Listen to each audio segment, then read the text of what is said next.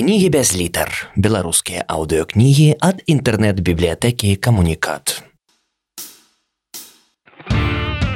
Валерый Гапеев Ночь цмока Роман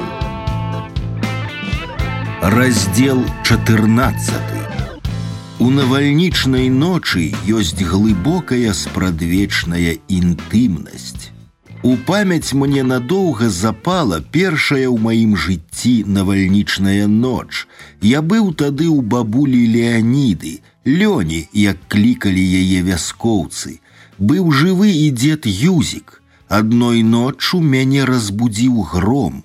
Жыгалі маланкі, якія ўспыхвалі ў вачах нават праз прыплюшчаныя павекі. Было страшна расплюшчваць вочы, але яшчэ страшней было заставацца аднаму ў цемры, якая гэта адчувалася, яшчэ больш гусцела пасля сполаха ў маланак. Я пабачыў маленькі кволы агеньчык свечкі, якая стаяла ў шклянцы з зернем на стале. На ўслоне сядзеў дзед юзік у пінжаку, але ў сподніх нагавіцах. Побач з ім у доўгай начной сародцы баба Лёня. Яны маўчалі. Дед пазіраў за акно, і я дзівіўся, нават ніводная жылка не ўздрыгвала на яго твары, калі бухаў пярун, а баба, Баба даверліва нахілілася да яго пляча, і вусны яе варушыліся.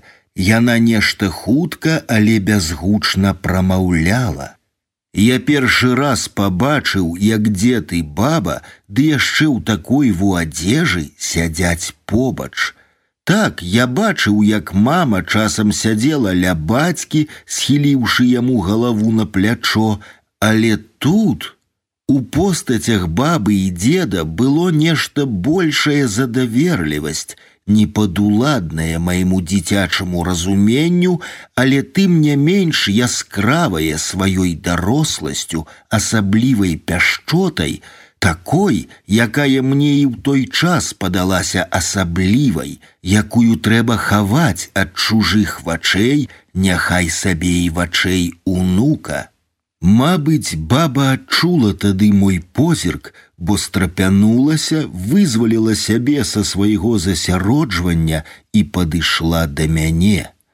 Спі, унучак, навальніца ўжо сціхае. А чаму вы не спіцё? спытаў я шэптам. То дарослым нельга спаць у навальніцу, унучак, такое правіла, а ты спі, дзіцятка, ужо сціхае. Гэтая навальнічная ноч увайшла ў маё жыццё адкрыццём. Між мужам і жонкай нешта ёсць такое, пра што сорамна казаць і нельга бачыць каму-небудзь, акрамя іх дваіх. Мяне разбудзіў гром, яшчэ ў паўсне я зразумеў, я ляжу дома на сваёй канапе, побач са мной надзея, зараз ноч і за акном навальніца, і галоўнае усё добра, дакладней амаль добра. Праз тонкую скуру павек маланка асляпіла, я пачаў лічыць, як прывык з дзяцінства, каб пасля памножыць на трыста і даведацца, ці блізка ўжарыла. Далічыў адно да двух, і ўвесь дом скалануўся ад магутнага гуку, нейкага дзіўнага сухога, быццам пад ударам сякеры расчапілася з узмоцненым у мільёны разоў трэскам яловае палена. Расплюшчыў вочы і зразумеў, надзея не спіць. Было незвычайна ціха, шуму дажджу не было чуваць, не было чуваць і надзейнага дыхання. Под яе галавой была моя рука, ужо не першы раз яна так спала, але ніколі не адлежвала. Я ледзь пакратаў рукой, набліжаючы твар жанчыны да сябе, другой абняў. Надзея прыўзняла галаву, сама абхапіла мяне і моцна прыціснулася. Ты помніш, ты все все помнишь? Клапатлівым шэптам быццам у хворага спытала яна. Помню, усё помню, і мне сорамна, адказаў я. Я насамрэч помню ўсё да самых малых дробязяў, туманную поляну голых девак, запрэжаных у плуг, чорную баразну на дзікім лузе, свае страх, бяссілле і ачмурэнне, хату ведьмака з метра, надзеі на патрабаванне, яе мокры холодны смочак на сваіх вуснах. Прыпаў тварам да яе грудзей, удыхаў такі цёплы, такі жывы і родны мне пах. Дурненькі, чаму табе сорамна? Бо я быў слабым, адказаў я, не адрываючы твару ад яе цела. Ведаю, жанчыны прабачаюць дзівацтва і дурасць, але слабасць ніколі. І яшчэ два разы дурненькі. Надзея ўскудлаціла мне валасы, пачала гладзіць маю галаву сваёй мяккай далонню, супакойваючы.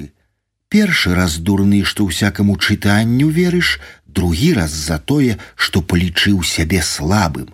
Ты не быў слабым, ты быў пераможаным, а перамагчы могуць і самага моцнага, бо не заўсёды моц супрацьстаіць моцы, розум розуму, куды табе супраць такога ведзьмака, як зміцер і ягонага круга забыцця. Мой пакой раптоўна нібыта ўспыхнуў неверагодна зыркім блакітам знутры.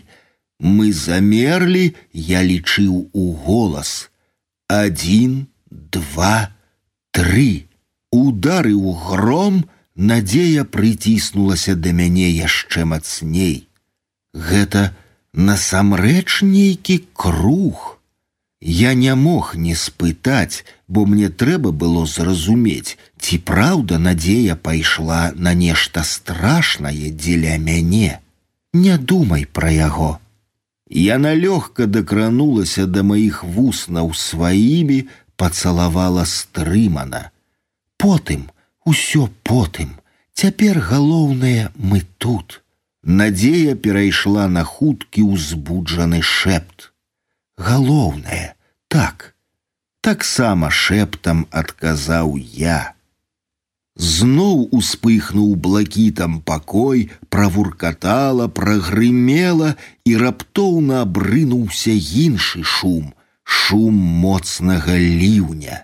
Я быў упэўнены, што і надзея ў гэтыя хвіліны сузірання непадуладнай стыхіі, як і я адчувала асаблівую утульнасць цёплай канапы і абароненасць у абдымках. Там грыміць ілье, там шал стыхіі, а тут ціхае шчасце асэнсавання сябе ў доме, под дахам з любым чалавекам. Галоўнае, усё добра, усё добра. Надзея зноў прыпала вуснамі да маіх і пацалавала з прыкметнай п'янлівай жарсцю, ды адхілілася, калі пабачыла, як я таксама пачаў распальвацца, быццам дражніла, і я памкнуўся за ёй, раптоўна ўзбуджаны вільготнай мяккасцю яе вуснаў, яе перарывістым дыханнем. Надзея на пачатку быццам супраціўлялася, не, не свайму жаданню, а таму пачуццю, якое пачало валодваць намі абаімі то была няпростая жарсць з кожнай бліскавіцай і ударам грому у нас уваходзіла нешта адвечнае, абуджалася застылае, надзейна замураванае тысячагоддзямі цывілізаванасці. Той лівень за акном быццам прабіў дах і цяпер струмені блакітнай у святле маланак вады змывалі з нас усе забароны, вызвалялі ад усіх норм і правіл. І мы ачысціліся, пазбавіліся апошніх путаў чалавечых умоўнасцей. Стыхія віравала звонку, стыхія віравала ў нас, Не, мы самі былі стыхіяй, пяшчотнай і адначасова звярынай, непадуладнай розуму. Развагам тут не было месца. Мы былі еднасцю, якая насычала сябе ўсё дазволенасцю і шалела ад бязмежжа сваёй фантазіі. І нельга было адрозніць у гэтым шаленстве гартанныя крыкі надзеі ад майго рыку, вылучыць у перарывістым, цяпер амаль безупынным святле белых маланак нешта асобнае з распаленага клубка двух тел. То быў не секс, Нельга назваць пачуццё поўнага зліцця ажно да фізічнага адчування еднасці з іншым чалавекам сексам. Людзі за доўгія гады свайго існавання так і не далі зразумелага тлумачэння каханню. Хіба ж можна падабраць слова, каб назваць ім каханне ў навальнічную ноч. І гэта не мы спыніліся ўслед за сціханнем навальніцы ў сваёй празе насычэння адно адным, у імкненні даць адно аднаму максімум, на які здольны цалкам свабодны ў сваіх жаданнях чалавек, вызвалены ад сарамяжлівасці і штучнай прыстойнасці. Гэта само неба, чуйнае і глыбокае раптоўна апала ў сваім шаленстве ўслед за намі. І апошнія хвалі дрыжыкаў аргазму на целе надзеі адгукаліся лагодным вуркатаннем грому, што не быў далёка, а проста над намі. Невядомая істота, якая жыла, сілкавалася нашым шаленствам і піла з нашай жарсці. Мы ляжалі колькі хвілін моўчкі, астываючы і супакойваючыся, не кажучы ні слова, бо яны ў гэты момант былі няпроста непатрэбнымі. Любое з іх было б фальшывым, бо язык чалавечы раптам апынуўся бясконца бедным, каб выказаць хоць малую кроплю ўдзячнасці і пяшчоты адно аднаму за гэтае бязмежжа шчырай жарсці. Урэшце надзея, мякка паціснуўшы мае пальцы сваёй рукой, слізганула з канапы, шчоўкнула свяцільняй, узняла руки ўгару, сплёўшы пальцы, пацягнулася і закружылася.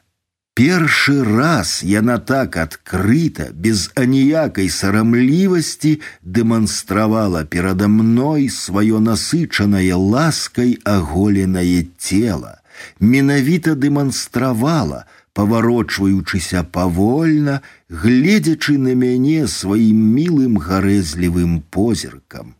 Я счастливая, я самая счастливая, я самая-самая счастливая. Напявала яна.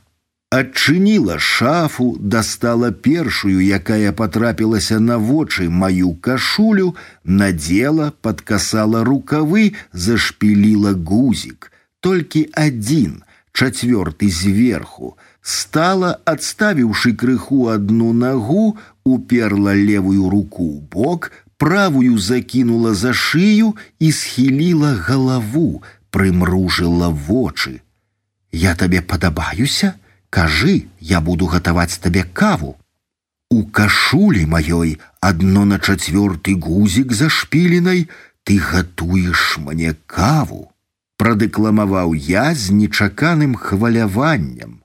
Людзі забываюць многае, Я не змагу цябе ніколі забыць у маёй кашулі. Паверу, але праверу.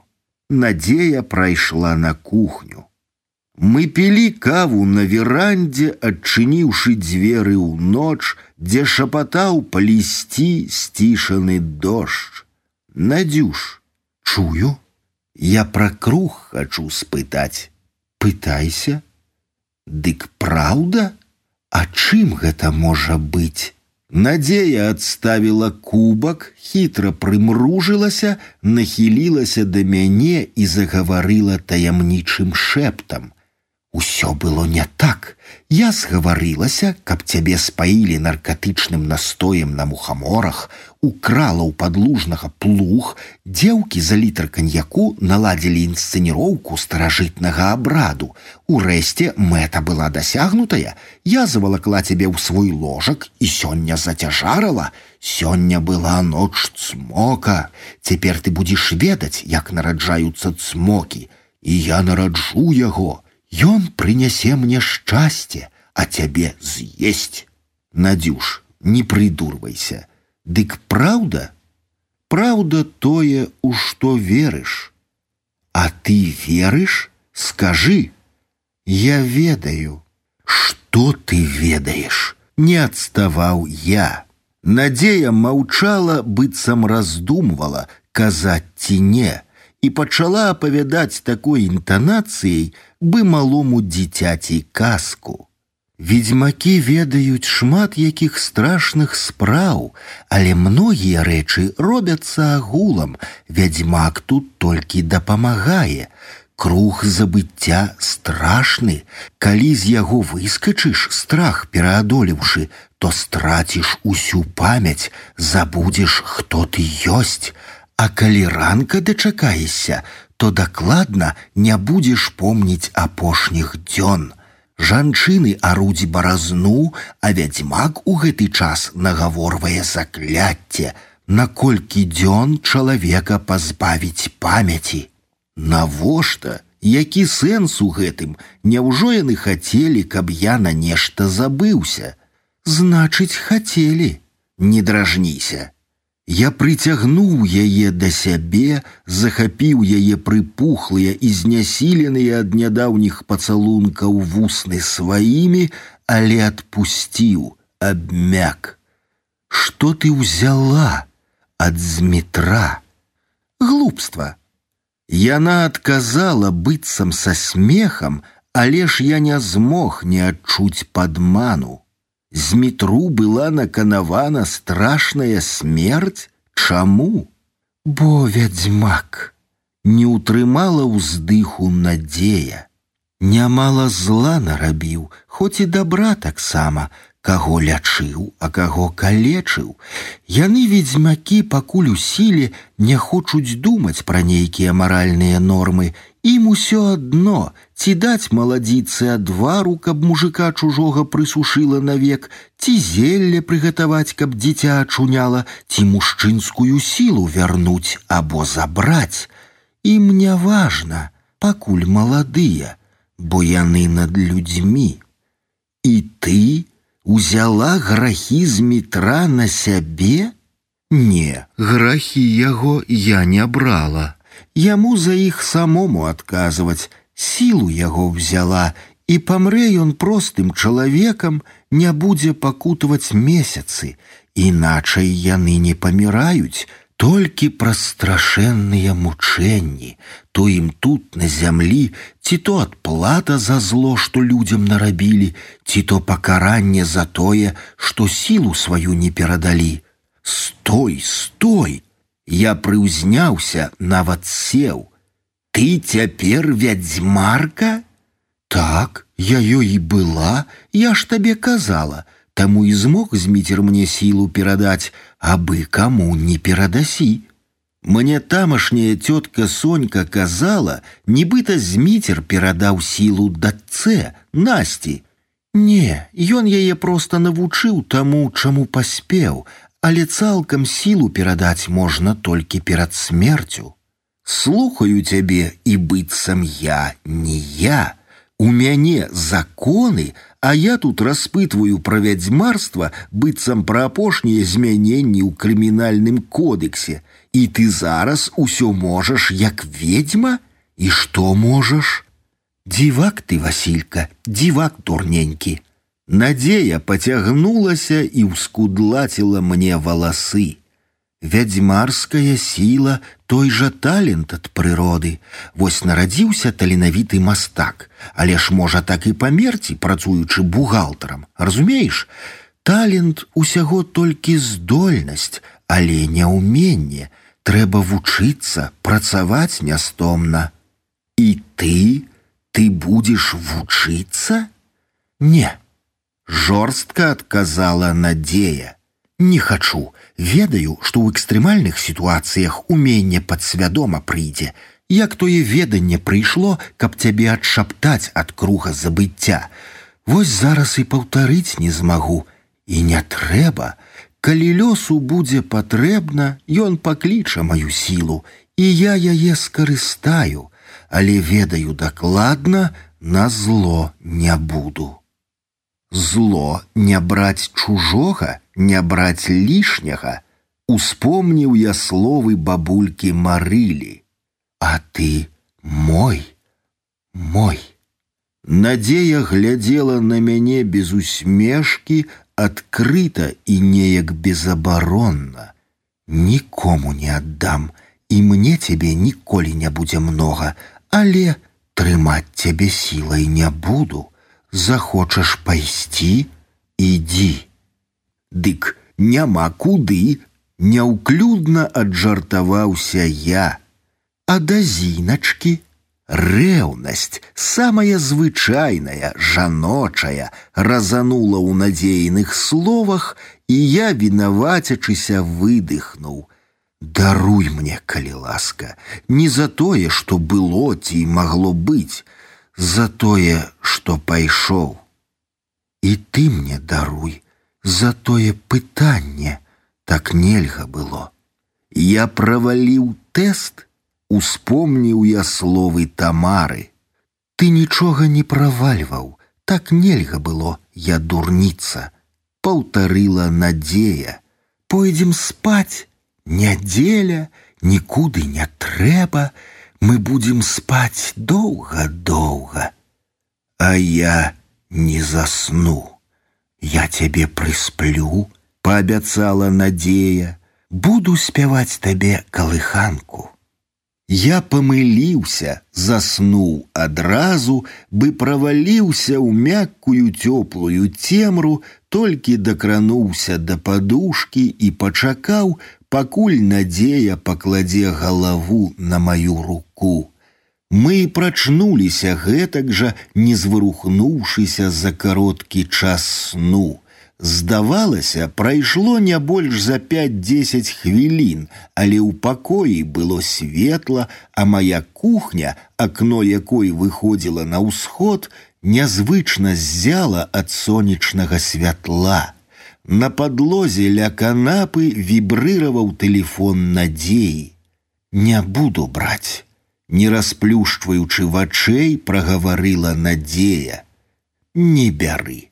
Падтрымаў яе я, абхапіў другой рукой, пацягнуў да сябе, цёплую, мяккую. Тэлефон змоўк і адразу ж зноў пачаў гудзець. Выкінь яго. А гэта, гэта Сергей. Усміхнулася надзея, расплюшчыла вочы. Мы збіраліся на досвідку на рыбу. Я сваю злавіў, хай едзе і ловіць сабе я прыціснуў надзею да сябе задушыш яна вызвалілася з абдымкаў села на канапе подняла телефон усё гатуй сняданак без лішніх слоў загадала яна паслухала і дадала табе няхай і абед а нам снеданне устаём сорам які павярнулася да мяне усміхнулася разгублена ужо девять пагавораць суседачкі. Мы сапраўды учора, пакуль майстравалі новыя вароты ў надзейн двор, дамовіліся пра ранішнюю рыбалку сёння.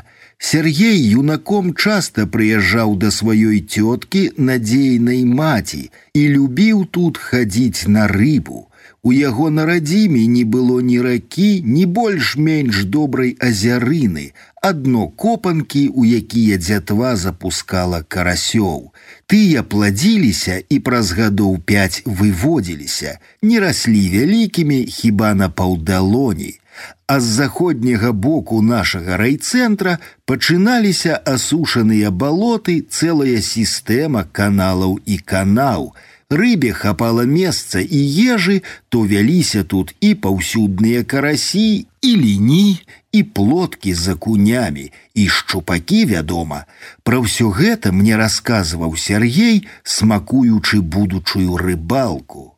Оказывается, в юнацтве Надея была яго спадарожніцай па канавах, любіла не менш за свайго стрыечнага брата вудзіць рыбу, пры гэтым шанцавала ёй не меней за яго, хіба што бракавала спрыту і вытрымкі. Я на пачатку здзівіўся, калі Надзея прызналася, што адну нядзелю ахвяруе рыбалцы з задавальненнем, а потым самому стало непрыемна ад свайго здзіўлення. Было прыкра з-за сваёй немагчымасці канчаткова вызваліцца ад свайго стэрэатыпу ўспрымання надзеі, як звычайнай гандляркі, для якой галоўнае ў жыцці рынак і грошы. Добра хоць устрымаўся, не паддаўся хвіліннаму здзіўленню, не выказаў яго ў голас, не лыпнуў вачыма. Дарога падалося была вельмі доўгай, пакінулі машыну і яшчэ ішлі ўздоўж адной канавы, зарослай па берагах густой ракітай, пераходзілі па даўно пакладзеным, але сёння патрэбным бадай адно вось такім рыбакам, як мы мастку. Тут былі сапраўды дзікія мясціны. Я быў не тое, каб уражаны, Перада мной быццам адкрыўся іншы свет, усё адно як перакінулі ў іншую краіну. Балота, сапраўднае беларускае балота пачыналася ад больш-менш цвёрдага берага канавы і слалася далёка-далёка роўнай паверхняй з рудой травой невысокімі кустамі. Туман плямамі вісеў над асобнымі мясцінамі, метраў за пятьсот ён ужо здаваўся шчыльным покрывам, закрываў гарызонт. І хоць сонца ўзнялося высока, пачало адчувальна прыграваць, туман не знікаў, наадварот, як быццам гусцеў, пачаў варушыцца, узнімацца ўверх. Болото быццам выдыхала з сябе ледзь прыкметна сівую взвесь. Сюды давно не прыходзіў ніхто з рыбакоў, Прынамсі ў гэтым годзе дык дакладна ніхто, хоць без цяжкасці ўгадваліся на беразе шырокай канавы наседжаныя некалі рыбацкія месцы. Рыба быццам чакала нас. Сергей сам насадзіў белых тлустых чарвякоў на кручок надзейнай вуды, даў ёй і пакуль настройваў дзве свае, надзея з ціхім войканнем захаплення выцягнула з застылай чорнай вады бліскучую рыбіну. Ого, які лінёк! Сергеевы вочы заззялі ад азарту, ён хутка зняў рыбіну з кручка, паправіў прынаду. Сама цяпер успомніла ўсё, я таксама хачу. І табе хопіць. Адказала надзея з усмешкай, дадала весела, А я ізноў першая рыбіну злавіла, ага, і па-дзіцячы паказала язык. Дзве гадзіны, пакуль сонца не ўзнялося высока, мы вудзілі рыбу і мне не хапала часу думаць пра нешта іншае, акрамя паплаўка. Ён і на дзесяць хвілін не застываў у нерухомасці. І хоць рыбак з мяне атрымаўся ўрэшце самы няўдалы, мае падсечкі ў асноўным былі халастымі. Дзясяткі з два карасёў, краснапёрак і плотак я выцягнуў. І даволі ладных іх прыемна было адчуваць у руцэ. Потым паклёўкі сталі больш рэдкімі і вялымі, нарэшце паплаўкі ўсіх нашых вуд замерлі. Я ўжо каторы раз паглядаў уздоўж канавы, якая бегла ў бясконцасць балота, гублялася ў кустоўі. Нарэшце попрасіў Сергея, каб паназіраў за маёй вудай, пайшоў берагам. Чым далей я заходзіў у балота, тым вусцішняй рабілася вакол, і хоць быў зыркі сонечны дзень, незразумелая трывога панавала ў наваколлі. дзікая глуш. Упершыню я зразумеў глыбінны сэнс гэтых слоў. Ісці ўздоўж канавы было ўсё цяжэй. Кусты густа разрасліся на берагах, іх трэба было абыходзіць, а на два крокі ў бок под нагамі было ўжо тваніста. Не ведаю, што мяне цягнула сюды. Канава паступова меншала, балота, некалі ўстрывожанае чалавечым умяшаннем у сваю спрадвечную ціш, зарубцоўвала нанесеныя раны. Канава зарастала, зацягвалася. Яшчэ паўсотня метраў, і яе не стала ўвогуле. Наперадзе была плоская змрочная раўніна. Тут ніколі не касіліся травы, тут не хадзілі людзі, ногі ў гумавых ботах, якія мне даў Сергей, былі па шчыкалатку ў чорнай вадзе. Я рабіў крок, і зямля спружыніла под нагамі, калыхалася, хвалямі разыходзіліся ваганні. Я адчуваў, стаю нібыта на тоўстай травяной коўдры, не надта трывалай, а под ногами у мяне чорныя холодныя нетры. Працяжна крыкнула нейкая птушка, я ўздрыгнуў ад неспадзеўкі. Крык быў незнаёмы мне, я не ведаў, хто так крычыць, ці птушка ўвогуле. Глушня проста заварожвала, яна быццам высмоктвала з мяне думкі і жаданні, насычала незразумелай трывогай. Я думаў над тым, як жа страшна тут можа быць чалавеку аднаму, калі ён заблукае, згубіць сцежку, тут жа згінуць, і ніхто ніколі нічога не даведаецца.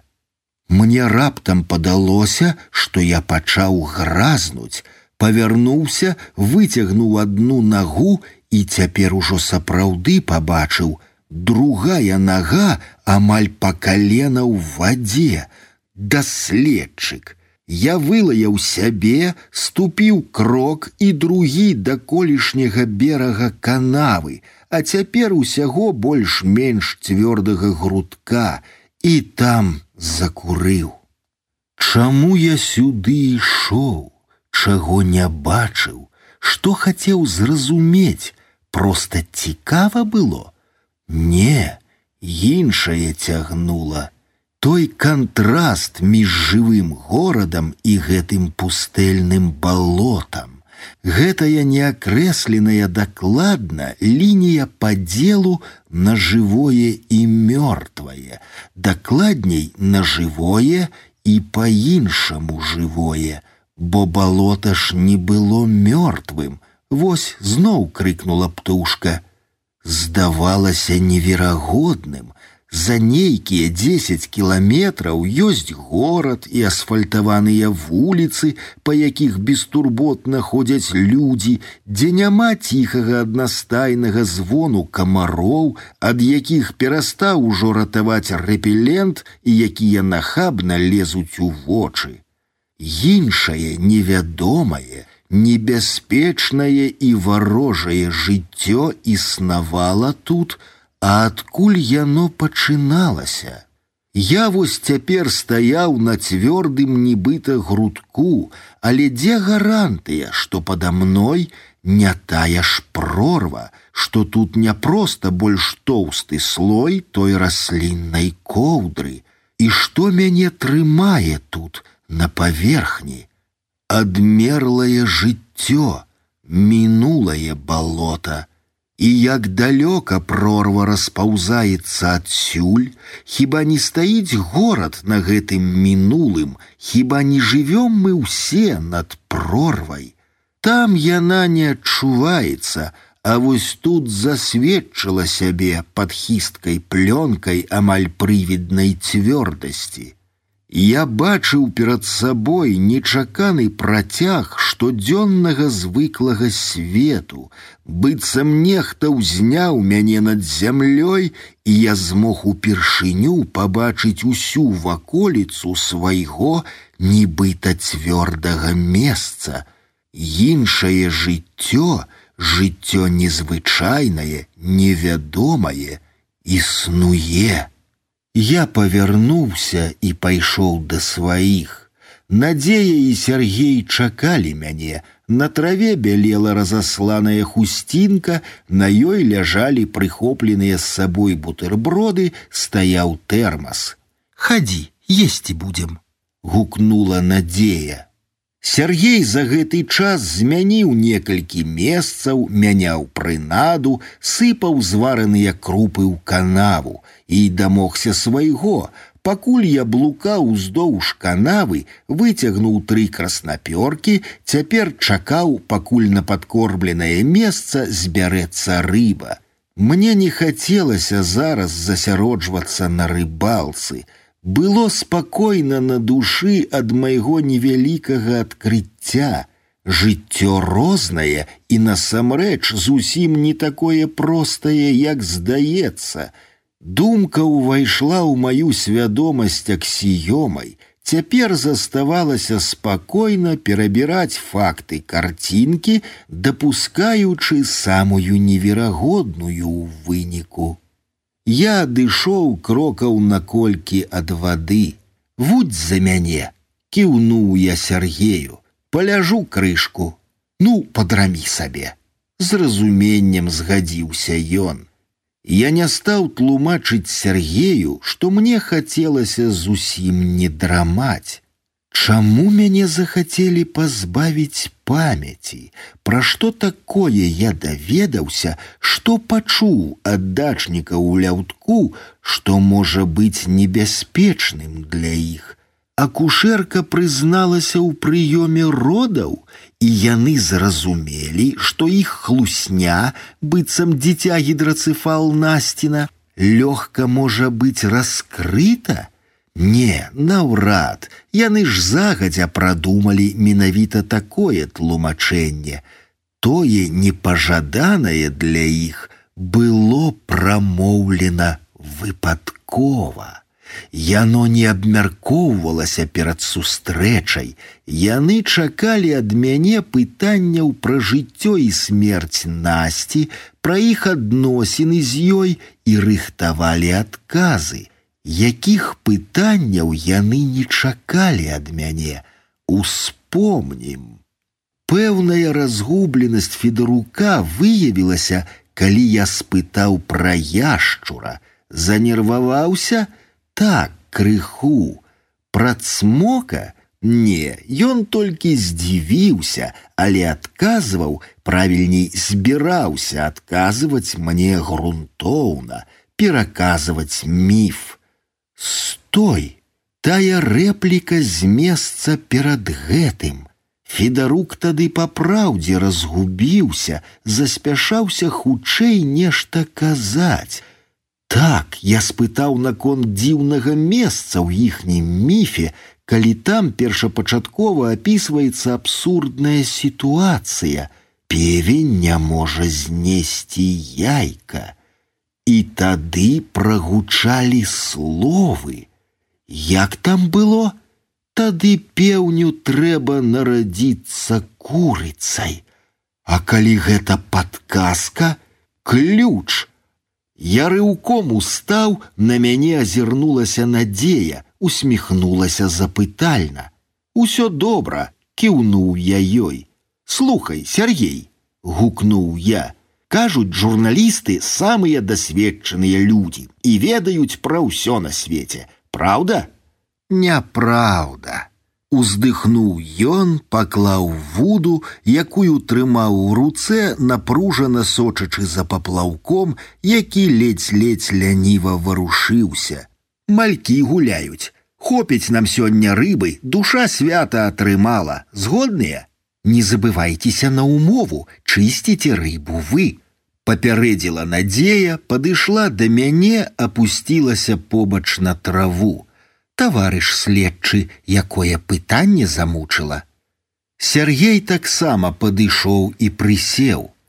Прафесія журналіста вымагае ведаць вяршкі. Так во, нахапаешся ўсяго патроху, Пытайся, можа, некалі і ведаў ды забыў, паспрабую вспомніць. А курыца можа стаць пеўнем. Сеў і сур'ёзна задаў я пытанне. Сяргей нават не усміхнуўся, толькі глянуў на мяне пільна. Можа, і пацвердзіў кіўком галавы, толькі не зусім. Гэта як? насцярожыўся я ўнутры. Ну, значыць, будзе не зусім самцом, пісюн не вырасце, усміхнуўся Сергей. Прырода штука дзіўная, вось сярод земнаводных змена полу з'ява распаўсюджаная. Вядома, калі ўсіх самцоў трытонаў вынішчыць, дык некаторыя самкі ператворацца ў самцоў. Ёсць нейкія прыхаваныя механізмы і магчымасці. Дыка курыца, нецярпліва вярнуў я Сергея да сваёй тэмы. А курыца, Помніцца, было ў маёй практыцы такое, і пісалі мы нават пра такі выпадак. У адной бабулькі курыца стала пеўнем. Біёлагі тлумачаць лёгка, помніцца, шукаў абгрунтаванне. Калі ў вялікім гурце курэй няма пеўня, дык нейкая курыца можа пачаць сябе паводзіць як певень, робіцца лідарам, пасля ў яе адрастае вялікі грэбень, хвост, Карацей мяняецца знешнасць, яна набывае ўсе прыкметы пеўня. Адзінае унутрана пеўнем не робіцца, апладняць іншых курэй не можа. Лесбіянка! Сам сабе радасна усміхнуўся я. Але ж яна можа знесці яйка. Ну, мабыць, зможа, паціснуў плячыма Сергей. А гэта важна? Важна. Замест мяне нечакана адказала надзея. Менавіта такая курыца і зможа знесці яйка, з якога народзіцца цмок. І вельмі важна, што яна чорная. Пляснуў я ў далоні, падскочыў. Я згодзін адзін пачысціць усю рыбу замест пляшкі, якую я павінен табе за такую інфармацыю, Сергей. Ды калі ласка, ведаеш, як добра думаецца пра забойствы, калі рыбу чысціш. Паехалі. Дарогай я складываў свае карцінкі пазлы.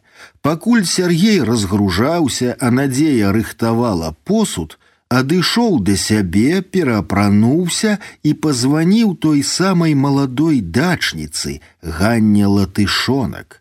Я быў упэўнены, што пасля нашай размовы, калі я злавіў яе на дробнай і лжы, яна будзе са мной максімальна шчырай. І яшчэ я званіў ёй таму, бо сярод тых сямі жанчын, якія цягнулі плуг, яе дакладна не было. Яна, відаць, замаладая для такога абраду. Дзяўчыну відавочна спужаў мой сённяшні званок, але я знарок не стаў яе супакойваць, пакуль не распытаў пра ўсё, што яна магла ведаць. Многага, канечне, яна не магла мне распавесці, але галоўнае, яшчэ адзін пазл лёг на месца. Чысцілі рыбу, смажылі на мангале, які Сергей прывёз для надзеі, але паставілі яго ў маім садку. Усё ж тут было больш утульна. Піць было яшчэ зарана, пакінулі бутэльку каньяку на вечар. Праўда, надзея хмыкнула ад такога нечаканага рашэння, але я попрасіў: « А давайте яшчэ ў одно месца з'ездзім, Дык у знак салідарнасці з кіроўцам устрымаемся ўсе. Куды? Насцярожылася надзея. Яна, відаць, зразумела, якія думкі ў маёй галаве. Восенню мінулага года Насцю Грыцук святочна прыбіралі і вялі вуліцай вёскі ў карагодным коле пад абрадавыя песні ў гушчар лесу, там у старым кусте ляшчыны сядзеў яшчур. Гэта мне толькі што паведаміла дзяўчына, адна з удзельніц абраду і падказала прыблізна у якім баку. Патрэбны стары куст ляшчыны мы пабачылі здалёк. на мностве тоўстых сцёблаў і маладых высокіх і гнуткіх парасткаў, з якіх некалі вясковыя хлапчукі рабілі хвацкія вудзільны, вісела мноства выцвілых ужо разнакаляровых стужак. Кусты ляшчыны стаялі не блізка адзін ля другога, але ўсе яны былі старымі, вялікімі, шырока раскідвалі свае галіны так, што ўверсе ўтваралася зялёная шапаткая столь. Сонца ўжо хілілася на захад, і тут быў амаль паўзмрок.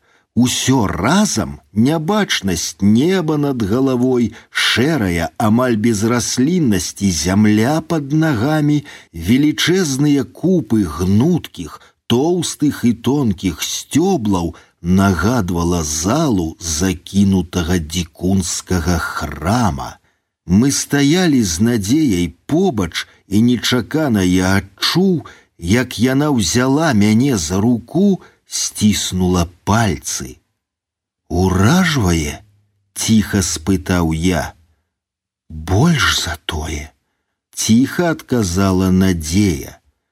«Вось зараз я чую покліч скінуць сябе адзенне і танцаваць перад ім, перад яшчурам. Так і было, мне рассказала тая дзяўчына, Светка — Настя Грыцук у вялікім вянку, відаць, напоеная асаблівым адварам, кружылася тут у дзіўным танцы, аголеная, а ў кусце сядзеў яшчур. І хто ён, ведаеш? Так, яшчурам у той дзень быў Андрей Дылько, той самы паэт, які разбіўся, калі вёз труп немаўляці гідрацэфала на могілкі – Тут быў абрад. Яшчуру перадавалі ва ўладу маладую цнатлівую жанчыну. Ён прыняў дар людзей. Тое было амаль роўна девять месяцаў таму.